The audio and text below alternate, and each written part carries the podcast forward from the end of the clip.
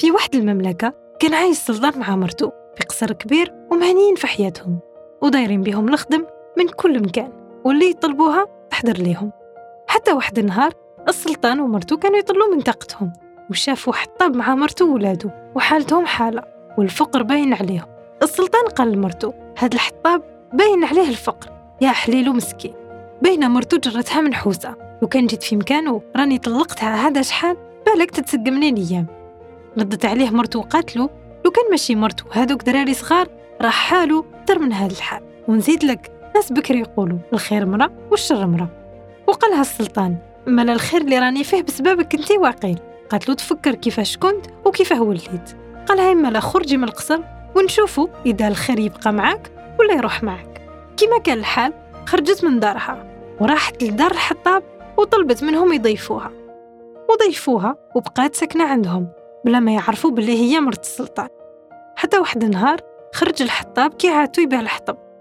وباعه كامل.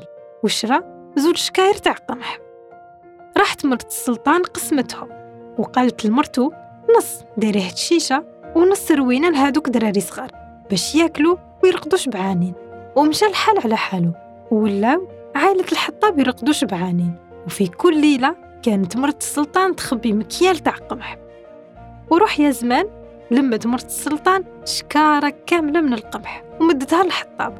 وقالت له روح بيعها وشري حمار ترفد عليه الحطب وراح هذاك الحطاب للسوق وباع هذيك شكارة تاع القمح وشرى هذاك الحمار ولا يحط عليه الحطب اللي يلمو.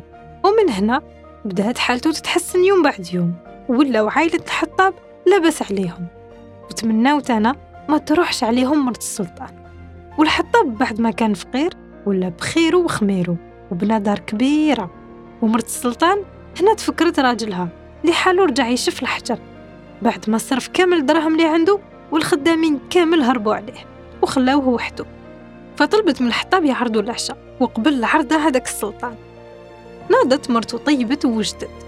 وقبل ما يتعشاو حطت في الغرفية تاع الحريرة الخاتم ديالها. وغير جا راح ياكل هذاك السلطان شاف خاتم ومرته وعرفها. وسقسى الحطاب شكون اللي طيب هاد الماكلة؟ رد عليه الحطاب وقال له هادي مرا تاع خير ملي سكنت داري أنا وولادي الخير اللي راني فيه كامل جمعاها.